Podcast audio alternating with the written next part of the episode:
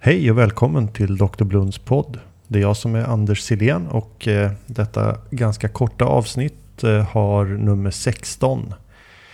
Ehm, under eh, den senaste tiden, kanske de senaste fem åren eller så, så har det funnits en tydlig trend inom vårt område, alltså eh, intensivvård, akutsjukvård, att eh, man ska undvika överaggressiv behandling.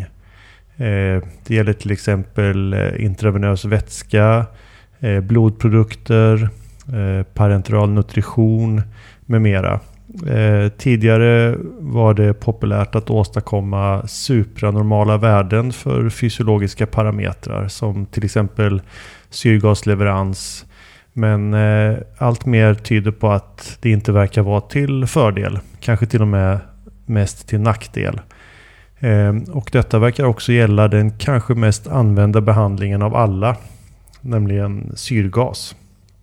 Alla som har gått någon form av kurs i akut omhändertagande Eh, under de senaste decennierna eller så har eh, fått inpräntat i ryggmärgen att eh, det första man gör med en akut sjuk patient är att sätta dit en mask med så mycket syrgas man kan. Gärna innan man ens börjar bedöma själva patienten. Och går man runt på en intensivvårdsavdelning, åtminstone alla som jag har varit på, och tittar på patientmonitorerna så ser man ytterst få patienter som har en saturation mindre än 100%. Alla verkar väldigt nöjda med att se en tresiffrig eh, saturation. Att eh, hypoxi är dåligt är det ingen som tvivlar på. Men eh, allt mer verkar tyda på att motsatsen, det vill säga hyperoxi, inte heller är bra. Jag började samla artiklar om det här för något år sedan och jag hade börjat skissa på det här avsnittet redan när eh, tidskriften The Lancet för ett par veckor sedan publicerade en stor metaanalys om just denna fråga.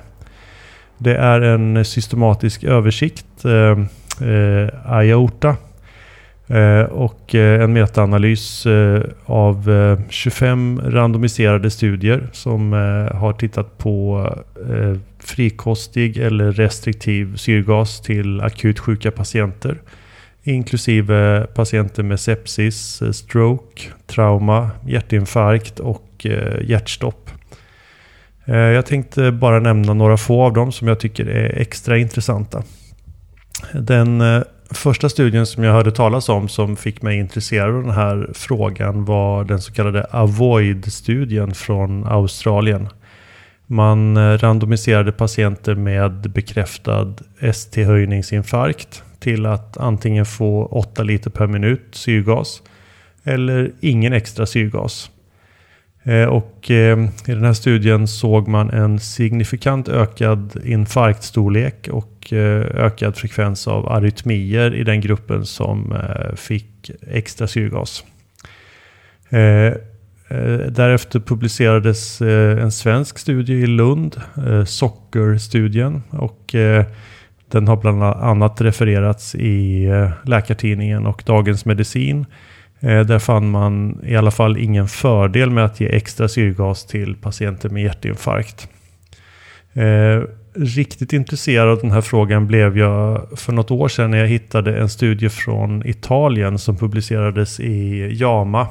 Eh, där randomiserade man patienter på IVA till att antingen få konventionell syrgasbehandling eller konservativ syrgasbehandling. Ehm, den konventionella gruppen tror jag motsvarar en ganska normal IVA-behandling. Där tillät man saturation på upp till 100% och eh, PO2 på upp till 20 kilopascal. I den konservativa gruppen styrde man syrgasbehandlingen ganska hårt för att bibehålla en saturation mellan 94 och 98% eller PO2 9,3 till 13,3. Alltså fortfarande normala värden men inte supranormala.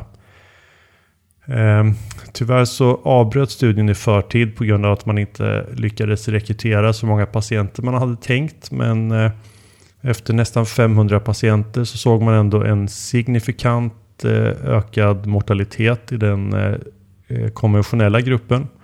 Eh, riskreduktionen för den konservativa gruppen var runt 60 procent för eh, död inom 60 dagar.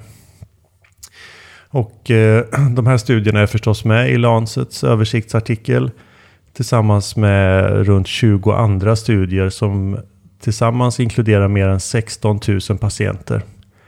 Och eh, alla de här studierna är randomiserade studier och de bedöms ha en sammantaget mycket hög kvalitet. Eh, slutsatsen i översiktsartikeln är tydlig. För mycket syrgas leder till ökad mortalitet hos svårt sjuka patienter utan att eh, ge några andra fördelar. Eh, det verkar finnas ett dos-responsförhållande och risken verkar öka om man tillåter saturationen att stiga över 96 procent. Och eh, ytterligare en spik i kistan för överdriven syrgasbehandling hittade jag i en retrospektiv eh, studie från USA. Där man eh, undersökt eh, 700 patienter som lagts in på IVA och eh, tittat på deras eh, syrgasmättnad eller PaO2 på akutmottagningen. Och de 300 patienter som hade hyperoxi som definierades då som ett PO2 högre än 16 kilopascal vid något enda tillfälle på akutmottagningen hade signifikant högre mortalitet än de som hade normala syrgasvärden. Eh, och detta gällde även om syrgasnivåerna normaliserades på IVA. Så eh, sammanfattningsvis finns det nu utmärkt evidens för att eh, överdriven syrgasbehandling är skadlig för vårt, våra svårt sjuka patienter. Och eh, jag tillämpar själv detta så mycket jag kan redan i min kliniska vardag. Jag instruerar eh, eh mina kollegor och personalen på IVA att undvika eh, tresiffriga värden på saturationen. Eller som jag brukar säga, den första siffran ska vara en nia. Vill man vara ännu mer strikt så sätter man ett alarm på sin monitor vid en övre gräns på 96% och eh, titrerar aggressivt ner syrgastillförseln tills man når intervallet 91 till 96%. Eh, just det protokollet kommer att testas i en pågående studie i Australien och Nya Zeeland som heter ICU ROCKS. Och eh, jag får säkert anledning att Eh, återkomma till den studien när den publicerats. Men eh, som sagt, jag tycker det finns eh, goda skäl att redan nu bli mer restriktiv i syrgasbehandling. Ehm, ja, det var allt för idag. Eh, nästa gång hoppas jag att eh, ha en gäst med på tråden. Men eh, för den här gången säger jag tack för att du lyssnar. Eh, gå gärna in och eh, kommentera på bloggen. Jag skulle tycka det var jättekul om någon ville lämna ett omdöme på iTunes eller det ställe där du prenumererar på podden. Du kan också gärna följa mig på Twitter och Facebook. Om du har några vänner som skulle kunna vara intresserade av det här så dela det med dem. Ehm, det här är Anders Silén. Hej då!